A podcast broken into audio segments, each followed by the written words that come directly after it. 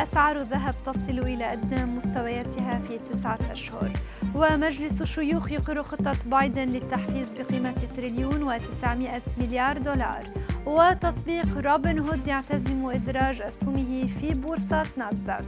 إليكم أبرز أخبار الاقتصاد في الساعات الأربع والعشرين الماضية على العربية بودكاست.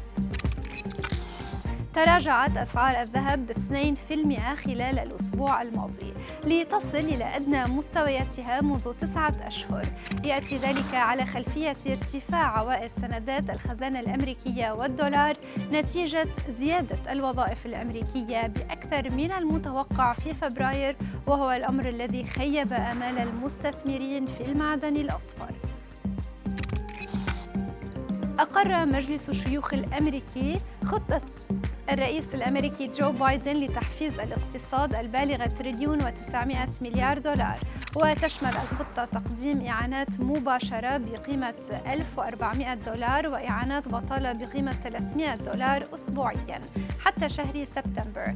كما تتضمن الحزمة 14 مليار دولار لتوزيع اللقاحات.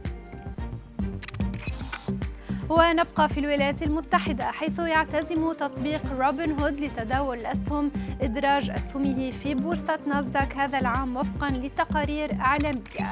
ويعتزم تطبيق التقدم بطلبات للاكتتاب لهيئة الأوراق المالية والبورصات الأمريكية هذا الشهر.